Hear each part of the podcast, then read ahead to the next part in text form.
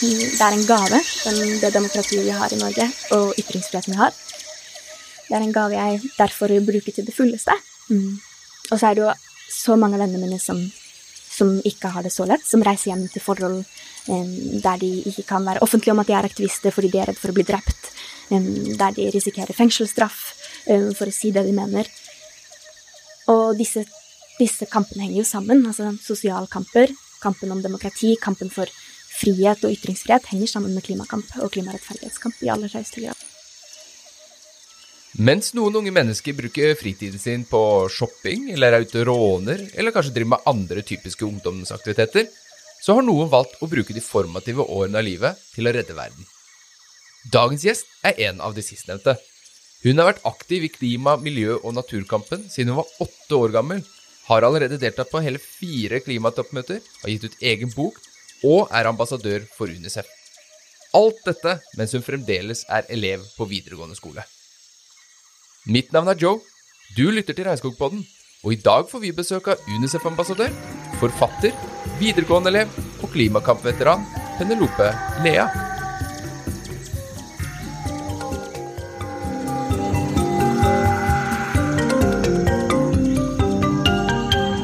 Ja, velkommen i studio, Penelope Lea. Tusen takk for at jeg ble invitert. Jo, det var jo veldig hyggelig. Det skulle jo egentlig bare mangle. Eh, du er jo en ung og engasjert dame. Eh, men for de eh, lytterne som ikke kjenner deg fra før, kunne du kanskje fortelle litt hvem du er? Ja, jeg heter Penelope Lea. Jeg er klimaaktivist og UNICEF-ambassadør. Jeg har jobbet med klimaspørsmål og klimarettferdighetsspørsmål spesielt siden jeg var veldig liten i ulike miljøvernorganisasjoner i Norge. Så Miljøagentene, Naturungdom og nå UNICEF. Jeg går fortsatt på VGS her i Oslo. Mm. Så du er, eh, du er såpass ung at du fortsatt går på videregående. Ja. Og skal ha med deg skole, og du skal prøve å lære litt. Og du skal kanskje være litt sosial. Og, og hvordan får du tida di til å gå opp når du Altså, du er UNICEF-ambassadør, du reiser på klimatoppmøter. Ja, det hele. Jeg får den ikke til å gå opp. Det er det, det store problemet mitt. Jeg kunne sånn ønske at det var flere timer i et døgn, sånn som så mange av oss. Ja. Um, men jeg, det var rett og slett en kambal jeg ikke fikk til å gå opp til slutt, så jeg valgte å ta siste året på videregående over to år. Så jeg har ett til år igjen. Eh, nettopp for at jeg skulle få tid til så mye mulig miljøarbeid um, som jeg ville. Jeg har så mye jeg vil på bærekraftsfronten, og jeg får ikke tid til nærheten av alt, selv om jeg har veldig mye politisk fravær. Så det var det valget jeg tok, da, mm, for å få hverdagen til å bli litt lettere. Og så har jeg blitt Altså, jeg snakker jo mye om bærekraft når det kommer til liksom, klima og natur, men også politikk og liksom, sosiale forhold. Men jeg er også opptatt av liksom, bærekraftig selvbruk, og at vi trenger mennesker i denne bevegelsen som klarer å holde ut lenge, for dette er ikke krise vi kommer til å løse over natta. Dette kommer å, vi kommer til å slite med å finne løsninger hele min livstid, eh, og sliter med å stå i virkningen av klimaendringene. Så da trenger vi mennesker som er motstandsdyktige og kan holde ut. Og hvile er også en form for motstandskraft, så jeg har prøvd å bli litt flinkere til å legge inn det i programmet, da. Mm.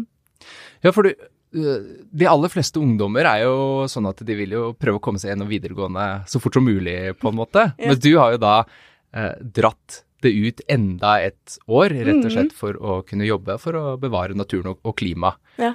Um, hvor er det denne Altså, dette er jo uh, helt tydelig at du er veldig motivert for klimakampen. ja, det er jeg.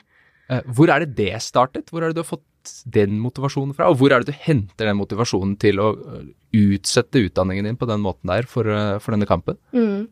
Nå føler jeg også at klimakamp og naturkamp gir et tillegg til utdanningen min. Jeg bruker både det jeg lærer i skolen, um, i klimaarbeid, og omvendt. Det henger jo veldig sammen. Um, og så Klimaengasjementet mitt startet da jeg var åtte, um, fordi jeg var veldig opptatt av rettferdige spørsmål. Og jeg ønsket at stemmen min skulle bli hørt. Jeg ønsket at jeg kunne få medvirke i saker som angår meg, um, og få mer påvirkningsmulighet på mitt eget liv og forme min egen fremtid, noe jeg ikke følte jeg hadde i stor nok grad. Og så lærte jeg om klimakrisen for første gang, uh, om hvilken utrolig farlig situasjon vi står i. Uh, og da fant jeg ut at klimasaken er en sak jeg kan bruke stemmen min på, der jeg har mye å si, og noe som absolutt påvirker fremtiden min. Så det var da jeg meldte meg inn i Miljøagentene. Det var sånn det startet. Um, og så har jeg alltid vært mest opptatt av klimarettferdighetsspørsmål. At det er en så grunnleggende urettferdig situasjon vi står i. Det rammer de som har bidratt minst til krisen vi er i, størst. Så det var derfor jeg startet. Um, og så er det jo også sånn at klimakamp og det å være aktivist um, det er noe jeg er kjempe, kjempeglad i. Og det er noe som gir, gir, livet mitt mye mer mening, da. Det er også noe som hjelper meg i skolehverdagen. Når jeg er stresset um, eller henger meg opp i små ting som egentlig ikke betyr så mye, så minner klimakamp meg på hva som egentlig er viktig for meg. Det minner meg på et større bilde. Um, og det gjør på mange måter stresset litt lettere å håndtere, sånn hverdagsstress, da. Så det er også en håndteringsmekanisme på livet. Så for deg da, så er det å engasjere deg er rett og slett uh, en måte for deg også å håndtere uh, du, du, tar litt kontroll kanskje på, ja. på situasjonen din, egen situasjon. Ja. ja uh, det jo, slår meg jo sånn at de aller fleste Kanskje ikke de aller fleste, men veldig mange unge jeg prater med som jobber for klima, jobber for miljø, tenker på disse spørsmålene, enten om det er politisk eller om de er involvert i frivillig organisasjon, eller uansett hvordan de jobber med det, så popper dette ordet opp ganske ofte med å være stressa rundt klima, ha klimadepresjon og fremtidsdepresjon mm. osv. Det slår meg jo, uh, ikke bare når du sitter foran meg her, men også når jeg har sett, andre, uh, sett deg i andre situasjoner, at du er jo en veldig positiv person. Mm. Hvordan klarer du å være så positiv i en situasjon som du beskriver, da, nettopp som ganske skremmende og, og uh, skummel for fremtiden? Ofte så velger jeg det. Det er et bevisst valg. Akkurat som at jeg velger å ha håp fordi um, jeg ønsker å fortsette arbeidet mitt, men også fordi jeg ser på det å ha håp og det å være positiv også som et politisk virkemiddel. Fordi politikerne er ansvarlige mm, for min fremtid. De har et ansvar, og hvis jeg fortsetter, og vi som folk fortsetter å ha håp, fortsetter å tro på at dette kan vi klare, så gir det et større ansvar og en større forpliktelse til de som til enhver tid har fått tillit til makt. Um, så det er en måte, enda en måte å holde dem ansvarlige på. Um, og så er jeg opptatt av at vi må ha en balanse mellom å være positiv og realistisk. Ingen av dem er gode kun alene. Um, mm. Så jeg prøver å holde på begge deler. Mm. Ja, føler du at det er en balanse som du får til å gå opp, eller? Det blir iallfall lettere når jeg jobber med andre mennesker, sånn som i ungdomsbevegelsen. Jeg får jobbe med unge fra hele verden, men også i Norge. Da deler man seire sammen, man deler tap sammen. Um, og det er lettere å ja, og, og holde den balansen sammen, da. Iallfall slik jeg opplevde. Hvordan ser du på andre unge som uh, jobber for klima og miljø? Jeg regner med at du møter uh, ganske mange. Um, merker du om det er noen økning i uh, klimadepresjon, eller er folk mer positive, mm. eller, eller, tenker du at det er en 50-50 blanding blant ungdommen også? Jeg vet at veldig mange unge er veldig bekymret for både sin egen fremtid og vennene sine sine fremtid og barna sine fremtid, sin fremtid. Mm. Um, så en stor angst her er det. Um, og jeg jobber jo mye med unge internasjonalt også. Um, og flesteparten av menn, vennene jeg møter, er allerede påvirket av klimaendringene. Jeg kjenner allerede konsekvensene på kroppen hver dag. Lever i områder det er sterk tørke og matmangel eller store flommer. Um, en av vennene mine mistet internett uh, når hun var under klimatoppmøtet i Madrid i 2019. Da var det um, stor storm og flom i hjemlandet hennes, mm. så hun fikk ikke kontakt med noen av familien sin um, når hun var på klimatoppmøtet, uh, som var påvirket av denne stormen, da. Um, så det er klart redselen er høy, og frustrasjonen er høy, fordi det går så lang tid. Altså, det tar så lang tid, de endringene som er så livsnødvendige. Um, men jeg opplever også at veldig mange klarer å være positive i den forstand at man, man, gjør noe med redselen sin, man handler. Så er jo ikke målet å ikke være redd. Målet handler om hva man gjør med redselen sin. Jeg tenker egentlig det er veldig naturlig å være redd hvis du faktisk setter deg inn i situasjonen vi er i, leser forskningen, som vi jo må for å være aktive samfunnsdeltakere. Um, så tror jeg ikke det er mulig å ikke bli redd, da. Så handler det om hva man bruker den til, og jeg opplever at veldig mange unge er veldig flinke til å rette redselen sin og gjøre den produktivt på et vis. Selv om ikke redsel nødvendigvis er produktivt. Um, og det trenger det ikke være heller, det er ikke meningen. Men, uh, men ja, jeg opplever at veldig mange unge er flinke til å iallfall være positiv samtidig som de er redde, um, og handle, som også hjelper på iallfall min redsel. Føler du at uh, når ungdommer og unge mennesker uh, handler og engasjerer seg, at de blir tatt seriøst. Nå, du er jo ung, men du er jo klart, du har jo mer erfaring enn veldig mange uh, som er veldig mye eldre enn deg på akkurat klima- og miljøfronten. Men tenker du at de unge blir tatt seriøst? Vi, vi hører jo om uh, veldig mange som får det typiske Nei, du er jo ung, du har jo ikke erfaring, dette må du se. Mm -hmm. eh, Klassiker. Ja ja, dere, dere barn, dere vokser opp uh, på en måte. Mm. Føler du at ungdommer i dag blir tatt mer seriøst uh, i klima- og miljøkampen? Mm. Eller du, føler du at, du at dere trenger mer plass og bli hørt? Absolutt, det føler jeg. Um, jeg er veldig både og. Det å bli tatt seriøst. Jeg opplever at jeg blir tatt seriøst av noen um, og andre ikke. Jeg har jo fått en klapp på skulderen du vil forstå senere når du blir eldre, veldig mange ganger. Um, men jeg har også hatt samtaler med voksne politikere og beslutningstagere som jeg virkelig har følt lyttet. Um, det er noe jeg spesielt legger merke til på hvert møte. Jeg hadde under klimatoppmøtet f.eks., og alle andre unge også er veldig obs på dette. Um, tar politikeren eller beslutningstakeren vi har møte med, uh, tar, med seg, tar, personen med seg penn og papir og noterer den, han eller hun eller hen, um, underveis i møtet. Mm. og det er litt pluss i, pluss i vår bok, da. Uh, og jeg møter også politikere og beslutningstakere som gjør nettopp det. Så det er veldig blanding, eh, og jeg mener selvfølgelig absolutt at unge skulle fått større plass i den debatten. Og at forskningen skal få større plass. Det er jo også forskning som ikke blir tatt seriøst. Det er jo et av de hovedproblemene vi har i dag også. Vi står i en informasjonskrise, og vi har mangel på riktig informasjon. Sånn som Maria Ressa sa, hun som vant fredsprisen i en av to fredsprisvinner i 2021, hun sa nå nettopp at uh, løgn sprer seg ti ganger fortere enn fakta på sosiale medier. Særlig hvis løgnen er liksom dekket inn i hat og splittelse og, og redsel. Um, så det er jo også forskning som ikke blir tatt seriøst. Mm. Ja, hva tenker du er uh, løsningen der? For det, det, finnes jo veldig, veldig mye informasjon. Ja. Uh, men hva er løsningen for at folk skal få riktig informasjon?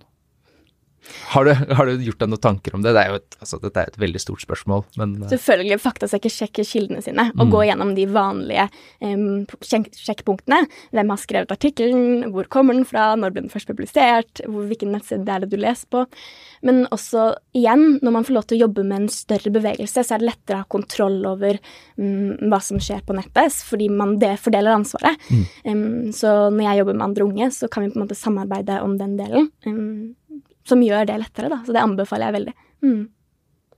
Og så har jeg jo noen kilder jeg går til, sånn som FN og IPCC og forskningen som ligger ute, som jeg vet er veldig god, og er, som er sann, og bygget på vitenskap og faktagrunnlag. Så man har jo de kildene man vet er sjekket. Mm. Vi, vi, lever jo i et samfunn som er litt sånn eh, post-sannhetssamfunn. Det er jo veldig vanskelig noen ganger å argumentere for de som ikke har den samme eh, virkelighetsoppfatningen uh, som deg selv. Så mm. jeg ser, kan jo se for meg at det kan være vanskelig noen ganger når folk bare avfeier, sånn som IPCC og FN sine ja, tall. Det er veldig vanskelig. For da har man plutselig ikke en debatt på um, løsninger eller ulike meninger om hvordan vi kan få løsninger. Vi har liksom Debatten går på hvorvidt klimakrisen er sann eller ikke, liksom. Og mm. da er vi så langt tilbake. Det er sånn ikke den debatten vi trenger nå. Nei, absolutt. Og så er det jo forskjell på fakta og meninger, og det opplever jeg at blir mindre tydelig i sånne sammenhenger, da. Mm. Ja, det er jo en uh, debatt som møter veldig mye motstand i følelser og oppfatninger, og veldig lite i, i uh, fakta mm. i utgangspunktet. Og det er jo klart at det er uh, livsgrunnlaget til veldig mange mennesker som når, når man går fra f.eks. en oljebasert økonomi, da, som vi har hatt her i Norge mm. og har fremdeles, og kommer til å ha i noe tid fremover, så er det klart at det, eh, er jo veldig mange følelser knytta til det. Um, hva tenker du om den overgangen da fra uh, tidligere oljebasert økonomi over til en mer uh, bærekraftig økonomisk fremtid, for vi må jo ha arbeidsplasser også i fremtiden? Men det er masse arbeidsplasser i bærekraftig sektor, eh, og vi eh, investerer så mye i olje- og gassindustrien. Hvis vi hadde klart å investere eh, i bærekraftig industri i større grad, så hadde vi kunnet bygge opp de arbeidsplassene i tillegg. Vi må ha den overgangen så fort som mulig. Vi vet at det er ikke plass til mer olje og gass i en bærekraftig fremtid. Da har vi visst det kjempelenge. Olje- og gasselskaper har visst det kjempelenge og prøvd å dekke over sannheten. Prøvd å få oss til å ikke skjønne um, og ikke ville endre. Mm. så vi må få fortgang i den, og vi må høre på aktivister, beslutningstagere også, som ønsker å få til en fortgang i den endringen. Men det gjør oss også mer ja, vi, vi, kommer jo ikke til å få en ny olje. Vi må finne ulike energikilder. Um, det kommer aldri til å bli en ny stor olje. Mm.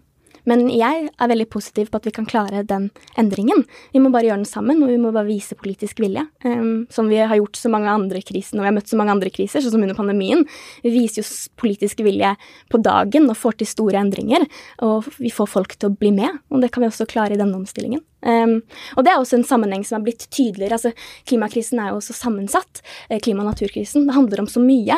Og sammenhengen mellom f.eks. krig, verdens sikkerhetssituasjon, um, fossilindustrien, um, klima- og naturkrisen har blitt tydeligere i det siste. Og det ble den også under klimatoppmøtet, som jeg setter veldig pris på. For hvis vi klarer å gjøre disse sammenhengene tydeligere, så tror jeg også vi kan skape mer rettferdig løsning, da. Ja, det er godt sagt. Hm. Apropos dette klimatoppmøtet. Uh, nå er det jo flere aktivister som har vært ute og boikotta. Mm. Uh, og du har selv også uh, kritisert COP som nå ble holdt, COP27, som ble mm. holdt i, i Egypt. hva tenker du om disse store politiske møtene? Hvor Jeg har jo sett disse typiske memesene av at nå flyr de inn og bruker masse olje og, mm. på å fly inn til Egypt for å snakke om klima nok en gang. Mm -hmm. Du valgte jo å reise og vise, uh, vise, deg frem som aktivist og som politisk påvirker. Mm. Men hva tenker du egentlig om disse klimamøtene?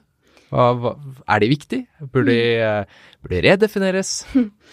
Det går ikke fort nok i det hele tatt på disse topp, toppmøtene. Og noe av grunnen til det er jo det spørsmålet om konsensus. Alle landene må jo være enige for at det skal bli en avtale. Um, og derfor kan avtalen bli så mye dårligere enn det man håper på, det man ønsker og det vi trenger at den skal bli. Eh, nettopp fordi de fleste land er enige om at vi heller må ha en avtale enn ingen avtale. Um, men jeg tror på samarbeid. Uh, og jeg ser ikke for meg alternativet. Eh, skulle alternativet vært at ingen skulle møttes internasjonalt noen gang og diskutert om dette, og at alle landene bare skulle gjort hvert sitt. Jeg vet at det er veldig mange land som trenger dette internasjonale presset. Man trenger å bygge opp under disse avtalene sammen. så jeg tror ikke det hadde vært et bedre alternativ. jeg tror vi tross alt trenger det lille seierne vi får på klimatoppmøtene noen ganger. Eh, men da er vi helt avhengig av sivilbefolkningen der, som kan legge press på politikere og beslutningstagere og følge forhandlingene. Og i år var det, altså hvert år så er det veldig mange fra oljeindustrien der, f.eks. I år var det 600, um, over 600 stykker fra olje- og gassindustrien som hadde fått uh, akkreditering på klimatoppmøtet. Uh, og det vil si at de også har fått akkreditering igjen, eller en tredjedel av disse hadde fått akkreditering gjennom deres land. Så det betyr at de kan komme inn i lukkede forhandlingsrom og faktisk eh, debattere tekstene som skal komme ut av klimatoppmøtet, og faktisk direkte inn, ha innflytelse på ordvalgene. Um, og dette er et eksempel da, på hvorfor det er så viktig at, at sivilsamfunnet er til stede, for å påpeke nettopp dette, for å legge press på forhandlerne, sånn at vi kan tross alt få en litt mer rettferdig avtale enn hvis vi ikke hadde vært her, da. Um, så ja, jeg, jeg, tror på samarbeid, så jeg tror jeg må tro på disse toppmøtene, men uh, jeg var veldig skeptisk til klimatoppmøtet i Egypt, eh, fordi Egypt er delvis mm, et autoritært regime. Og det var jo ingen norske organisasjoner, miljøvernorganisasjoner som offisielt boikottet i år. alle var der for å være til stede på forhandlingene. men det er blitt mer diskusjon om neste år. Eh, da er jeg veldig skeptisk. Det skal være i Dubai. Mm. De bryter jo menneskerettighetene. Og deres, de har ikke en klima- og miljøminister, for det første. De har en klimautsending, og han er leder av det nasjonale olje- og gasselskapet. Um, og de har nå også valgt nettopp uh, COP-presidenten for neste år, og COP-presidenten er liksom han eller hun som har hovedansvar for at forhandlingene skal komme i hop, at det skal komme tekstforslag ut av forhandlingene. Um, Eh, og eh, han er valgt, og han er eh, igjen leder, én leder i olje, olje gass, det nasjonale olje- og gasselskapet i Abu Dhabi. Um, så Så helt tydelig at her har vi satt reven til å passe hønsehuset? Ja, og jeg er også redd for dette fordi det nettopp er en oppblomstring i um, udemokratiske systemer. Det kom en rapport uh, nå for et halvt år siden fra Varieties in Democracy Institute, som sier at eh, det er kun 17 av befolkningen som lever i en demokrati. Um, så mesteparten av befolkningen lever i udemokratiske systemer. Um, og når det er nettopp en sånn oppblomstring, og vi lever i en så avgjørende tid, der hver dag teller, hver dag handler om liv og død for så mange mennesker, eh, så er det trist og skummelt at klimatoppmøtet to år på rad blitt satt dit i land som eh, sliter med å opprettholde menneskerettighetene um, og undertrykke sivilsamfunnet. Um, mm. I år på klimatoppmøtet så var det vanskeligere å være sivilsamfunn enn noen gang, men det ja, for dere ble flyttet, dere som var, var der for å markere, dere ble flyttet uh, lenger unna der hvor møtene foregikk enn noen gang tidligere, stemmer det? Ja, ja. altså for på, to, på klimatoppmøtet så er det to uh, en som heter blue zone og en som heter green zone. Og blue zone er der forhandlingene skjer, og så er green zone um, dedikert for sivilsamfunnet. Uh, det er mye sivilsamfunn som er på blue zone også, jeg jobbet bare på blue zone, uh, men du må ha ganske høy akkreditering for å komme inn i mange av forhandlingsrommene der, så det er ikke alle som får tilgang til det. Det er også et spørsmål om um, sivilsamfunnets innflytelse, hvor, stor, hvor, mye akkreditering blir delt ut, hvem er det som får akkreditering, får aktivister fra sør like mye akkreditering som aktivister fra nord, og det har det ikke vært tidligere. Uh, men ja, disse to uh, sonene pleier å være i alle fall i nærheten av hverandre, i samme område, konferanseområde. Eller i samme hall. Um, alle de årene jeg har vært på klimatoppmøte. Jeg har vært siden jeg var 13, så jeg vet, dette var mitt fjerde klimatoppmøte um, har de vært samme sted. Men uh, i år var de fysisk separert, så det var ti minutters busstur, og bussene gikk bare én gang hvert 20 minutter eller 10 minutter. Um, så det tok veldig lang tid å komme frem og tilbake. Jeg rakk faktisk ikke å være på Green Zone en eneste gang. Um, jeg jobbet bare på forhandlingene. Um, og det gjør jo også at liksom, politikere og beslutningstagere som ellers ville passert sivilsamfunn ganske jevnlig, ikke gjør det. Og mange droppet å ta turen fordi de har så hektiske um, dager, eller fordi de ikke så på det som noe det var verdt å bruke tid på. Da. Uh, og det er veldig synd. Tenker du at det var en bevisst strategi å skille Definitivt. Ja. Um, det var plass til uh, å ha blue zone nære uh, Nei, å ha green zone nære blue zone i år, det var det. Og så har jo det egyptiske presidentskapet også gjort andre ting som, som svekker sivilsamfunnets rolle, så dette var jo ikke den eneste tingen. Altså, uh, vi fikk for eksempel bare lov til å demonstrere ett spesielt sted Eh, og det var på internasjonalt territorium, altså på konferansehallen. Og det var laget en egen eh, gate til oss utenfor konferansehallen, liksom ganske ironisk. Vi måtte melde inn demonstrasjonen og få den godkjent, alle slagord og alt. Vi kunne ikke nevne eh, enkelte land, enkelte personer, enkelte eh, bedrifter i slagordene våre. Eh, vi måtte få det godkjent sånn tre dager på forveien. Vi kunne ikke eh, demonstrere mer enn 30 minutter. og egentlig utenfor Egypt, nei, eller utenfor konferansehallen, og det gjaldt også litt når vi var på konferansehallen, men det var flere som ikke ble tatt for det. Men så var det egentlig ikke lov til å ha på seg masker, for da kan ikke, sånn covid-masker, for da kan ikke egyptiske myndigheter se fjeset ditt. Så det var ganske strengt, og det var veldig vanskelig. Men vi fikk til mye, tross alle disse begrensningene som ble satt på oss. Um, og det er det fine i det. Um, vi fikk til to store skolestreiker, masse småmarkeringer, en klimamarsj som var gigantisk. Uh, og de holdt på lenger enn 30 minutter, så vi fikk uh, klart det. Og så vi også, måtte vi finne andre måter å uttrykke oss på, i tillegg til å selvfølgelig følge forhandlingene og ha intervjuer og, og være med i debatter og, og panelsamtaler. Um, men andre måter å drive med markeringer på, da. Um, som eksempel så hadde vi fargekoder. Så en dag så hadde vi på oss blått for å støtte havene, en dag hadde vi oss på oss rødt for å støtte urbefolkning. En dag så hadde vi oss på, på oss hvitt for å støtte de aktivistene som blir drept hvert år pga. arbeidet sitt. Det har bare økt de siste årene. Gjennomsnittet nå er fire i uka. Ja, hvordan føltes det når, når dere da prøvde å, å, pushe disse grensene, uh, og dere var der? Og ja, her i Regnskogfondet så jobber jo vi veldig mm. eh, nettopp med urfolksrettigheter og lokalbefolkningsretter mm. til å beskytte livsgrunnlaget sitt, som veldig i mange tilfeller er naturen. Enten om det er regnskog, eller om det er havet, eller hva det er. Men vi jobber da selvfølgelig eh, mest opp mot regnskogen. Eh, hvordan føltes det for deg å måtte eh, være da i et land hvor det var helt tydelige regler, og helt tydelig at de ønsket å følge med på dere som aktivister? Mm. Følte du noen gang på at du følte deg utrygg? Ja, jeg gjorde det. Men jeg kjente også på hvor heldig jeg er som får lov til å reise hjem til Norge etterpå, etter en, en og en halv uke. Mm. Um, og at jeg ikke lever i slike forhold hver dag. Det er en gave, den, det demokratiet vi har i Norge, og ytringsfriheten vi har. Det er en gave jeg derfor vil bruke til det fulleste. Mm. Og så er det jo så mange av vennene mine som, som, ikke har det så lett, som reiser hjem til forhold um, der de ikke kan være offentlige om at de er aktivister fordi de er redd for å bli drept, um, der de risikerer fengselsstraff um, for å si det de mener. Og disse disse kampene henger jo sammen. Altså sosialkamper, kampen om demokrati, kampen for frihet og ytringsfrihet henger sammen med klimakamp og klimarettferdighetskamp i aller høyeste grad.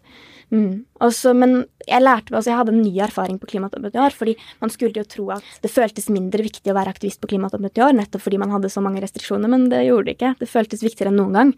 Det føltes ut som nettopp fordi klimatoppmøtet i år ble plassert et sted med, som undertrykker befolkningen sin i så stor grad, så var det enda viktigere at sivilsamfunnet og unge var der, da.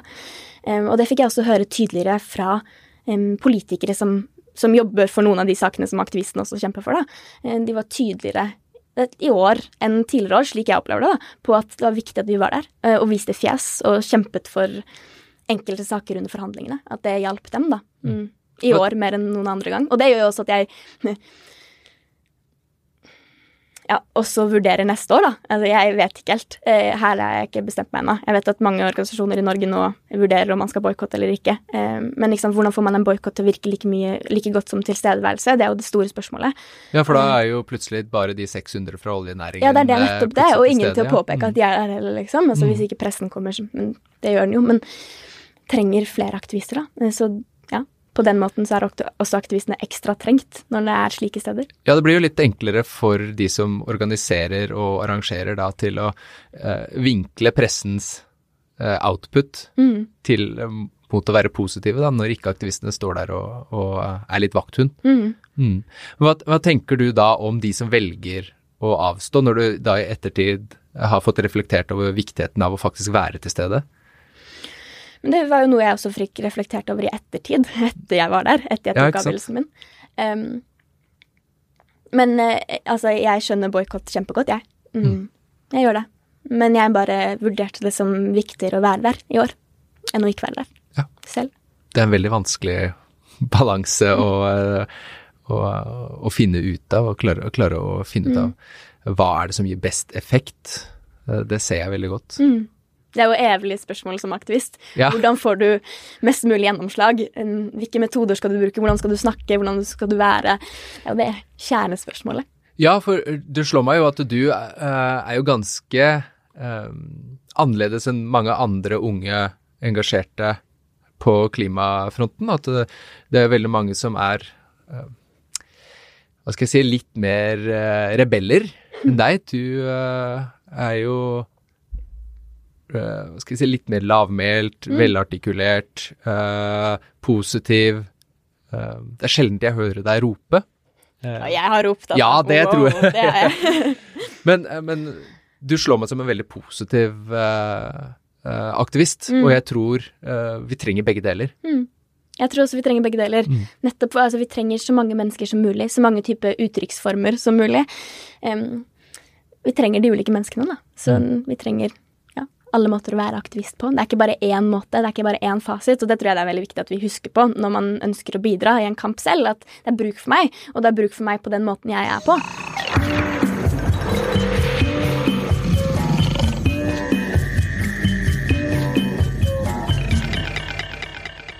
Men apropos det å være uh, aktivist på flere arenaer. Du har jo også vært aktivist i bokform. Ja. Og jeg har jo lest boka di uh, da den kom ut, ja. og så leste jeg den på nytt uh, før vi skulle prate sammen. Uh, og den heter I hverandres verden, og den har du skrevet sammen med moren din. Mm.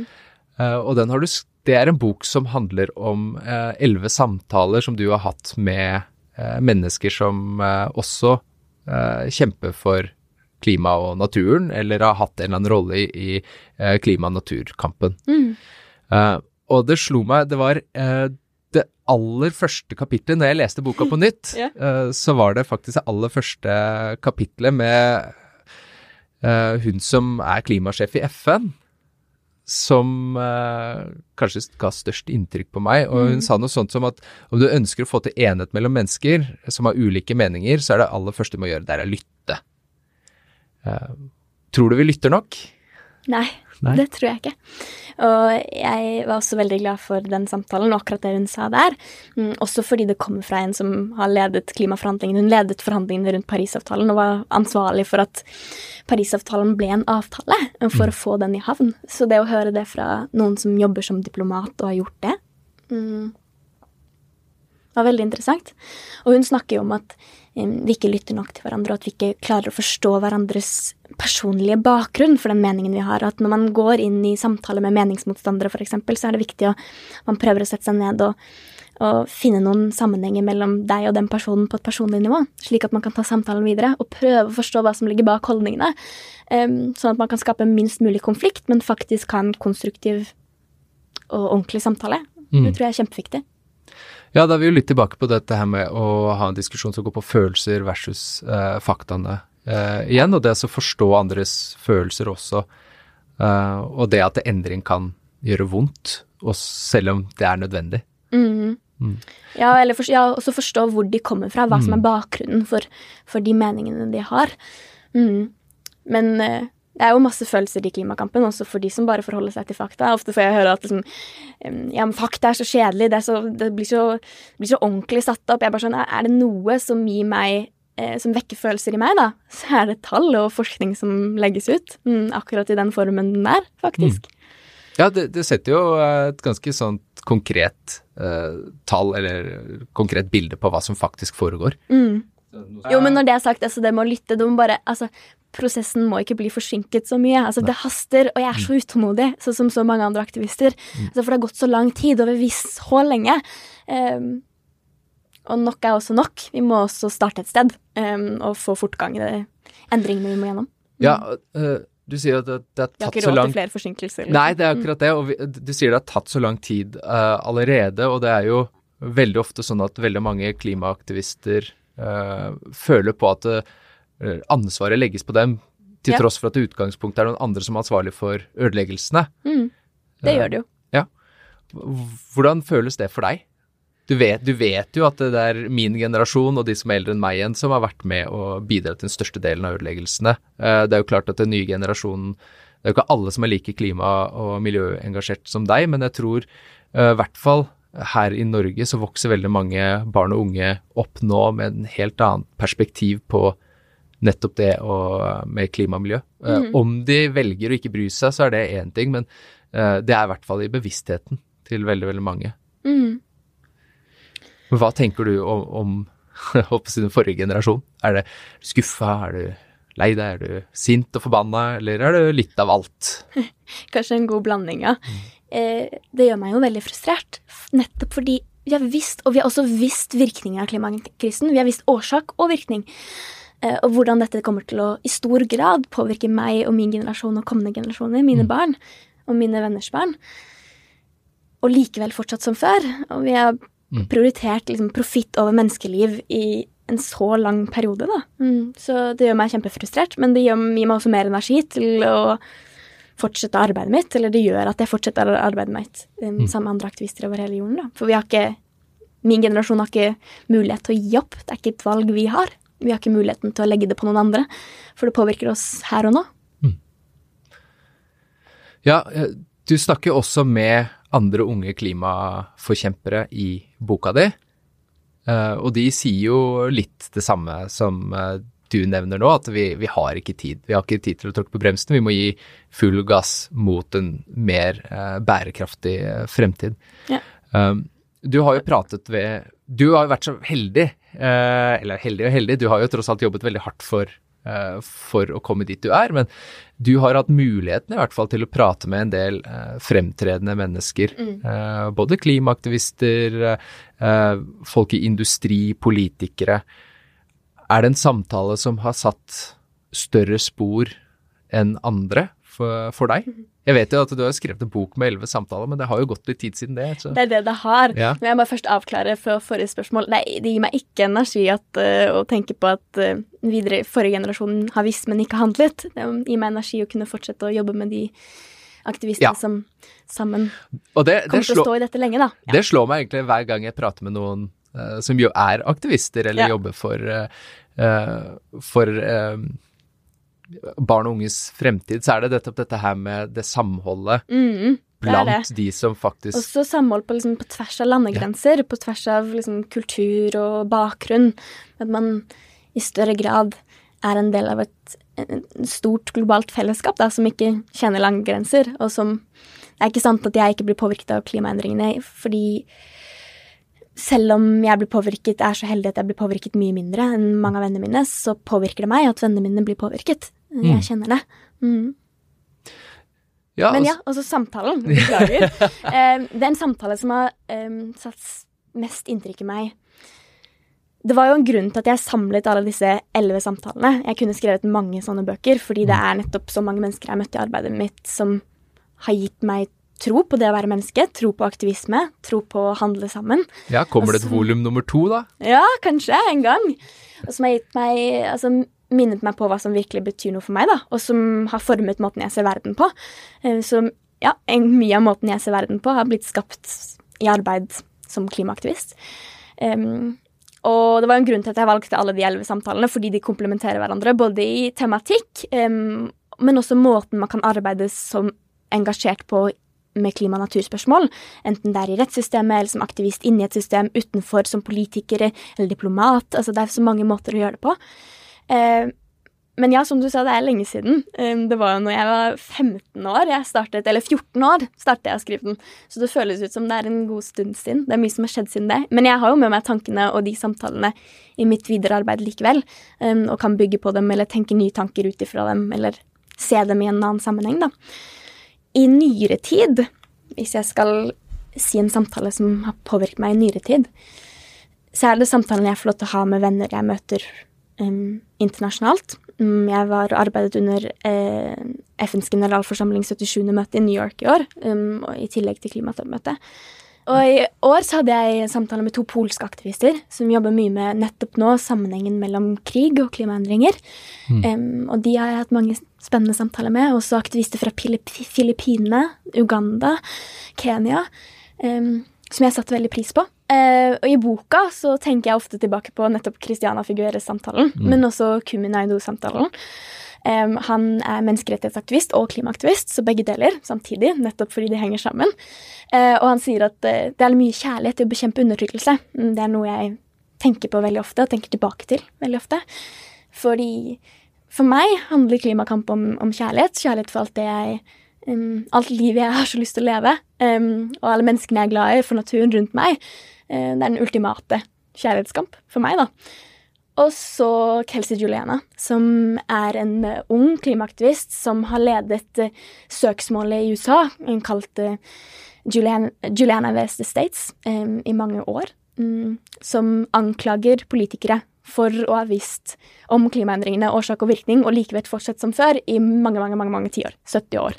Um, og nå ser vi jo flere og flere klimasøksmål som popper opp i ulike deler av verden, og flere som vinner frem.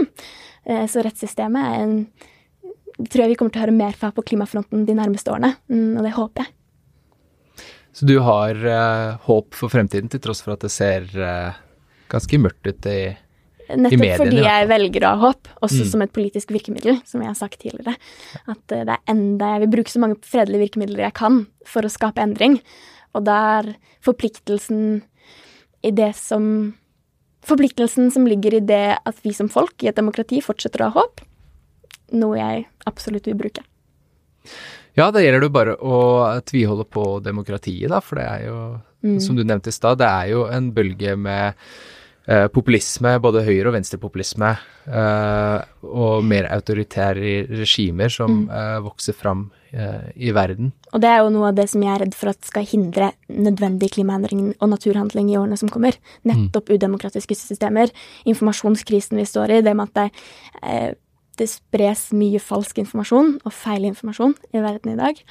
Men også at det er større ulikheter mellom mennesker, og fordeling av ressurser. Mm.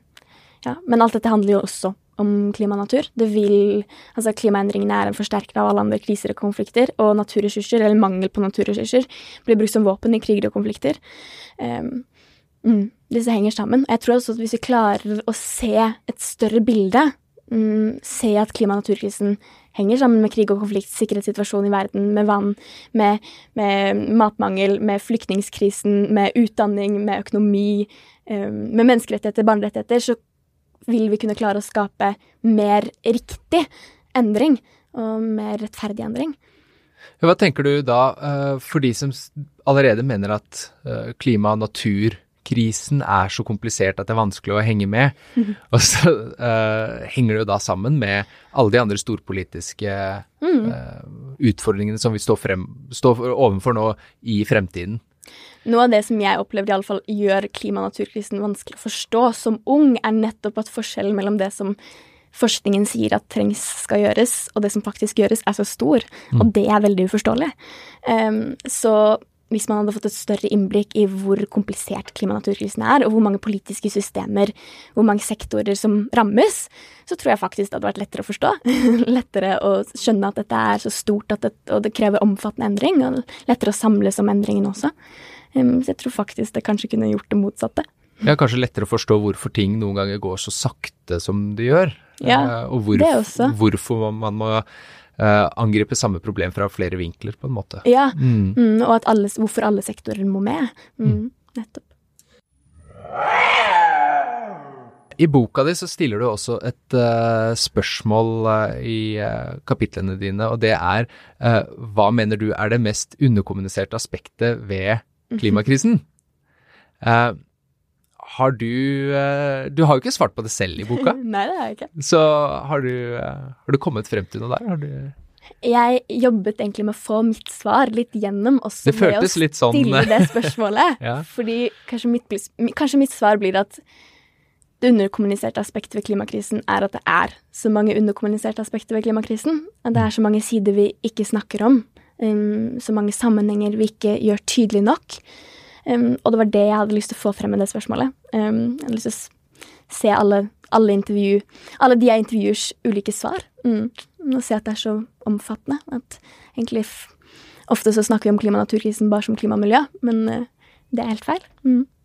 Så det var kanskje det. Og så er det det at ja, nettopp at den er så sammensatt. Mm. Hva tenker du er det neste steget da for, uh, for klimakampen? Uh, for, å, for, å, drive ja. dette fremover i, i, riktig retning, og for å uh, tegne det store bildet, for å gjøre det mer forståelig og faktisk gjøre endring. Ja. Hva tenker du er den naturlige veien å gå herfra? Det ultimate klimatiske Hvis, hvis Penelope Lea kunne få lov til å si dette er sånn vi driver klimakamp fremover nå. Hva? Klimakamp femmer nå. Mm. Jeg er så glad for at klimabevegelsen begynner å bli veldig, um, veldig stor, og at det er mange som har vært i bevegelsen, um, og så er også unge, um, i mange år nå. Så det finnes ulike måter å gjøre ting på. og, og det tror jeg også vi trenger. Uh, men ja, nettopp dette å tydeliggjøre de sammenhengene, og gjøre det tydelig i hver samtale vi har, både med venner og kollegaer på jobb, uh, men også i politikken. og at politikerne blir tydeligere på de store sammenhengene. Det tror jeg er en av de viktigste tingene vi kan gjøre, nettopp for å få til um, de endringene vi trenger, i de sektorene vi trenger endring i, som er alle. Um, ja, eh, og for at folk skal forstå kompleksiteten av det, da. Mm, så jeg, jeg trenger, vi trenger tydelige politikere um, i kampen fremover. Vi trenger aktivister på innsiden av systemet. Um, og så er jeg jo også opptatt av at ungdom skal bli mer Altså få mer finansiell støtte, og støtte generelt, til å drive det arbeidet de gjør, som er så viktig i demokratiet vårt. Uh, og aktivister skal også få det. unge og gamle, mm, på tross av alder. og både få hjelp til å komme på konferanser og være representert, slik som på klimatoppmøtet, hvor vi ser, der vi ser hvor viktig det er. da, um, For finansiell støtte, men også hjelp til å finne, finne, bolig, finne sted å være i, et billig sted, men i nærheten, så man kan faktisk jobbe. da. Uh, jeg har lenge, sammen med mange andre unge internasjonalt, ønsket veldig at vi skal få til et, um, en internasjonal uh, faggruppe med unger som kan være representert like mye på klimatoppmøter i like stor grad som en landsdelegasjon, en slags internasjonal ungdomsdelegasjon som kan få tildelt de samme politiske ressursene, så kanskje advokater, kanskje politiske rådgivere, så man får mulighet til å fremme um, kravene sine og tiltakene sine på, på samme, i samme grad og samme, med samme bakgrunn som andre politikere som har vært gjennom utdanningssystemet lenge og har mange ressurser rundt seg. Um, så det å tilrettelegge for unge uh, i klimabevegelsen, tror jeg jeg kommer til å bli en, bare enda mer viktig fremover. Mm. Det tror jeg òg, og jeg kan snakke som mann i midten av 30-åra at jeg har glemt hvordan det er å være ungdom veldig ofte. Så det perspektivet tror jeg er, eh, er utrolig viktig, og at det får lov til å komme frem i mye større grad enn hva det gjør i dag. Ja. Jeg, Jeg ser bare selv hvor mye jeg lærer av å prate med dere som er unge klimaaktivister, og setter veldig, veldig stor pris på det.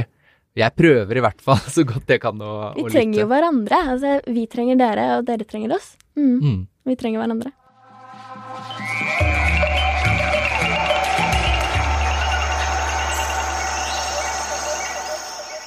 Men du, Penelope. Eh, klokka den eh, løper, og eh, vi er Vi går mot slutten på samtalen vår. Dessverre. Jeg skulle veldig gjerne sitte her mye lenger med deg. Men for å avslutte så stiller vi eh, alltid eh, gjesten i podkasten et eh, spørsmål. Ja. Eh, og nå vet jo jeg på forhånd at du har jo ikke vært og besøkt regnskogen enda. Nei. Jeg tenker jo at du kanskje har lagt inn en veldig god søknad til å få lov til å være med på, på en tur til regnskogen i fremtiden her. Men allikevel så har jeg lyst til å stille deg spørsmålet. Hva er det aller beste med regnskogen i dine øyne?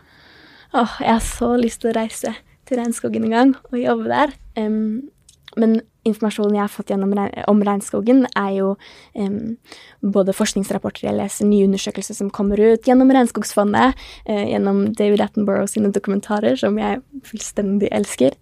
Um, og noe av det jeg liker med regnskogen, er at det er så mye vi ikke vet om den. Det er så mange sammenhenger mellom arter, økosystem som vi ikke er klar over, arter vi en gang ikke har oppdaget, og den uvissheten em, og alt det vi kanskje en gang kan komme til å vite noe om, hvis vi er flinke nok til å ta vare på den, det liker jeg.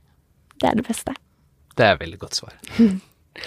Helt på tampen, eh, nå håper jo jeg at det er veldig mange som har lytta og tenkt at det, ah, nå har jeg lyst til å bli eh, mer engasjert i klima- og miljøkampen. Mm. Eh, har du et sånt første steg, sånn blir du mer engasjert i klima- og miljøkampen, tips fra deg? Les deg opp på situasjonen vi står i, eh, på kompleksiteten av den, mm, på forskningsrapporter. Følg med på debatter som går på både nyhetskanaler internasjonalt og nasjonalt, så man kan være oppdatert. eh, Og snakke med venner, familie, kollegaer om det. Meld deg inn i en organisasjon. Det er iallfall mitt sånn hovedanbefaling. For det hjelper å Når man må jobbe såpass mye i motbakke som man gjør i klimabevegelsen, så hjelper det å gjøre det sammen med noen. Eh, Det hjelper å dele både tap og, og seire med andre mennesker. Eh, og det, det skaper det store samholdet da, som er med på, iallfall for meg, em, gjøre meg litt mer motstandsdyktig til å fortsette kampen. Eh, så det anbefaler jeg i aller høyeste grad. Og så finnes det en plass til alle. Altså Vi trenger så mange som mulig i denne klimabevegelsen. internasjonalt og nasjonalt. Vi trenger ulike stemmer, ulike måter å være menneske på, ulike uttrykksformåter. Så det finnes Man kan, gjøre, altså man kan være aktivist inni et system utenfor, i sosiale medier, i kunst- og kulturverden, sånn klassisk gjennom organisasjonsliv, men det er så mange måter og veier å være aktivist på, da. Så ikke tro at det bare er én måte å gjøre det på. Mm, Det finnes et sted for deg òg. Mm. Fellesskap og forståelse er altså nøkkelen for å, for å drive dette videre, da. Ja, det er jo sånn, altså sånn Noe av det jeg tenker på ofte um, i organisasjonslivet, er at det er så mange frigjøringsbevegelser som henger sammen. En kamp styrker en annen, selv om man kanskje ikke kunne sett det så tydelig. Uh, og man vet aldri hvilken av handlingene sine som kan føre til endring, eller som kan gjøre at flere følger etter. Og derfor er på mange måter alt det vi gjør, like viktig. Penelope, tusen takk for veldig, veldig mange gode ord. Jeg er veldig glad for at vi har deg med på laget for eh, naturen, og veldig glad for at du tok deg tid til, igjen en veldig, veldig travel hverdag til å komme hit og eh, prate med oss. Veldig hyggelig å prate med deg. Takk skal du ha.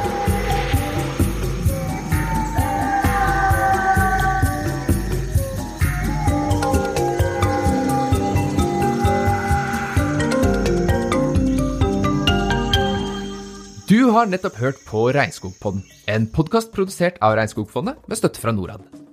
Ønsker du å lære litt mer om hva Regnskogfondet egentlig driver med, så kan du finne masse informasjon om det inne på www.regnskog.no, på Instagram-kontoen vår Regnskogfondet og på Facebook.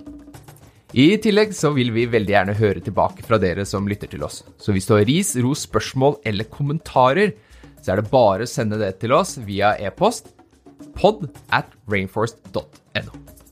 Vi høres!